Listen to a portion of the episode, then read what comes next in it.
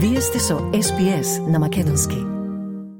Вчера македонскиот народ го славеше 8 декември, денот на Свети Климент Охридски, ученик на светите браќа Кирил и Методи и општословенски просветител. Името на Свети Климент Охридски се поврзува со почетоците на македонската писменост. Свети Климент оставил печат не само на македонската писменост и историја, туку и на историјата и на другите народи на Балканот, како основоположник на Охридската книжевна школа, позната и како прв Балкански универзитет. Денот посветен на македонскиот просветител од средниот век се одбележа со низа активности во повеќе градови во Македонија. Во раните утрински часови во соборниот храм во Скопје, што го носи името на Свети Климент, се одржа света архиерејска литургија со која чино началствуваше архиепископот Охридски и македонски Стефан. Државна делегација пред споменикот на Климент Охридски кај Универзитетската библиотека положи цвеќе. Во собранието беше доделена државната награда Климент Охридски. Добитник од областа на образованието е Африм Османи. Во областа на културата и уметноста наградата ја добија писателот и академик Влада Урошевиќ и ликовниот уметник Исмет Рамичевиќ. Во здравствената област наградата ја доби кардиологот Сашо Јовев. Во името на добитниците на свеченото доделување се обрати академикот Влада Урошевиќ.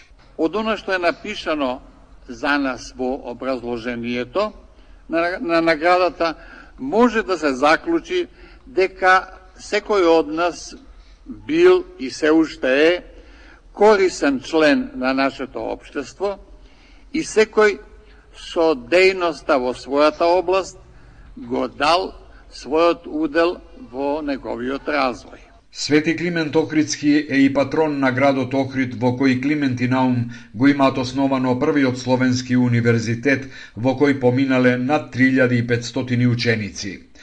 На свечената академија во Охрид по повод чествувањето на Свети Климент, неколкумина македонски историчари изразија став дека мешовитата историска комисија со Бугарија треба да прекине со работа, бидејќи Македонија и Бугарија немаат заедничка историја.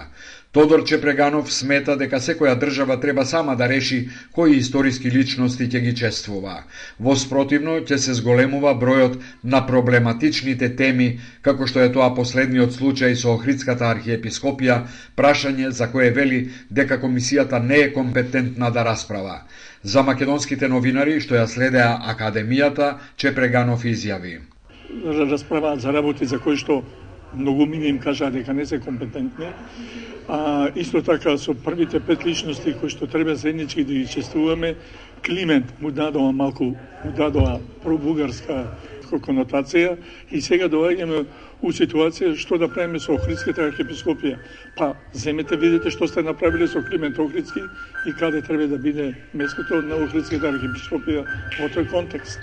Сличен е и ставот на професорката Виолета Ачковска, која вели дека не постои заедничка, туку има две различни истории на два различни народа кои живеат во посебни држави. Таа вели дека заеднички можат да се чествуваат празниците кои се дел од светската историја.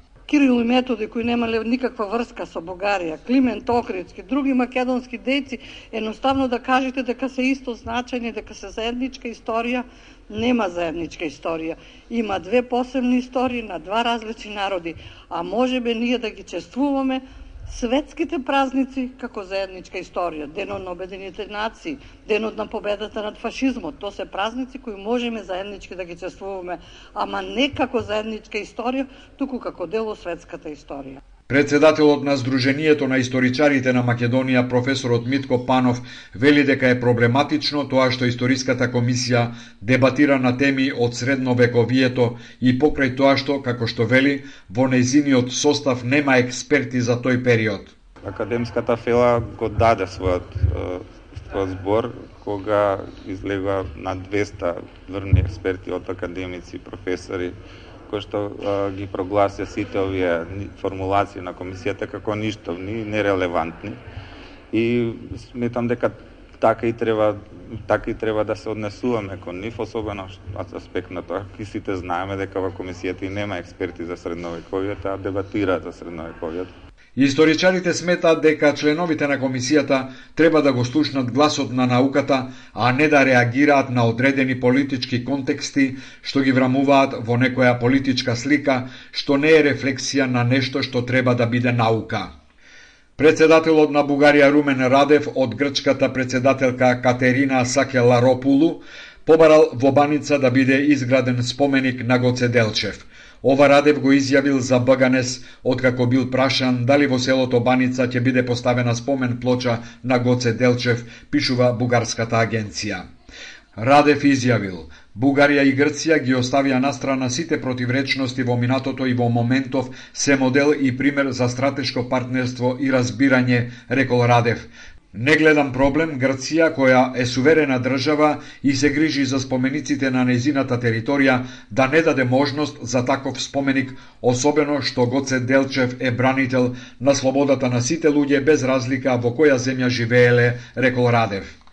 Грчката председателка за Баганес изјавила дека ако има барање за поставување спомен плоча на Гоце Делчев во серското село Баница, надлежните органи ќе го разгледаат.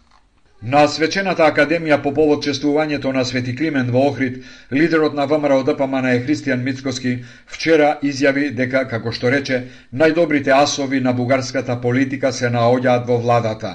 Тој рече дека власта ниту ги штити, ниту има стратегија за македонските интереси.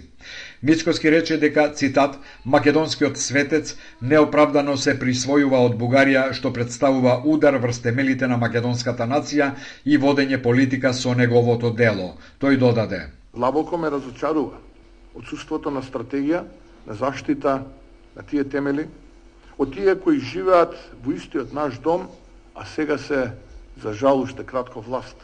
Веројатно тие се најдобрите асови на бугарската политика но лошо е што не се патрони на македонските интереси. И таквите своји компромиси, болни за нацијата, се многу полезни за нивните кариери. Премиерот Димитар Ковачевски во обраќање на самитот на лидери во Биена рече дека во политиката на најголемата опозициона партија препознава популизам. Тој ја повика Унијата да обрне внимание на ВМРО ДПМН и на Левица, директно обвинувајќи ги за попречување на европскиот пат. The European Union must seriously consider ЕУ мора сериозно да размисли за обструкциите на опозицијата и за обидите по секоја цена да го загрозат европскиот пат ВМРО ДПМН и Левица. Уште поголема опасност е тоа што тие ја држат ВМРО ДПМН како заложник. Конзервативната ВМРО ДПМН се надпреварува во радикализмот со левица. Is competing on the far right for the far right vote with them. Ковачевски во својот говор рече дека популизмот расте во Европа, но уште побрзо во Западниот Балкан. Стейт Департментот најавува позасилена меѓународна борба против корупцијата.